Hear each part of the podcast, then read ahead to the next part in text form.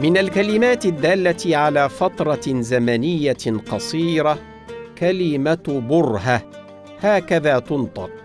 برهة من الوقت بضم الباء ولكن البعض ينطقها بغير ذلك. وهذا خطأ شائع. والصواب نطقها بضم الباء. فنقول برهة من الوقت. ونقول يمنح المعلم تلاميذه برهة من الوقت حتى يستوعبوا ويفهموا كلامه. أتقن لغتك. لقطات صوتية. نصحح من خلالها نطق بعض الأخطاء الشائعة. نقدمها لكم من ميديا توبيا. ولكم تحياتي دكتور عبد الله الخولي.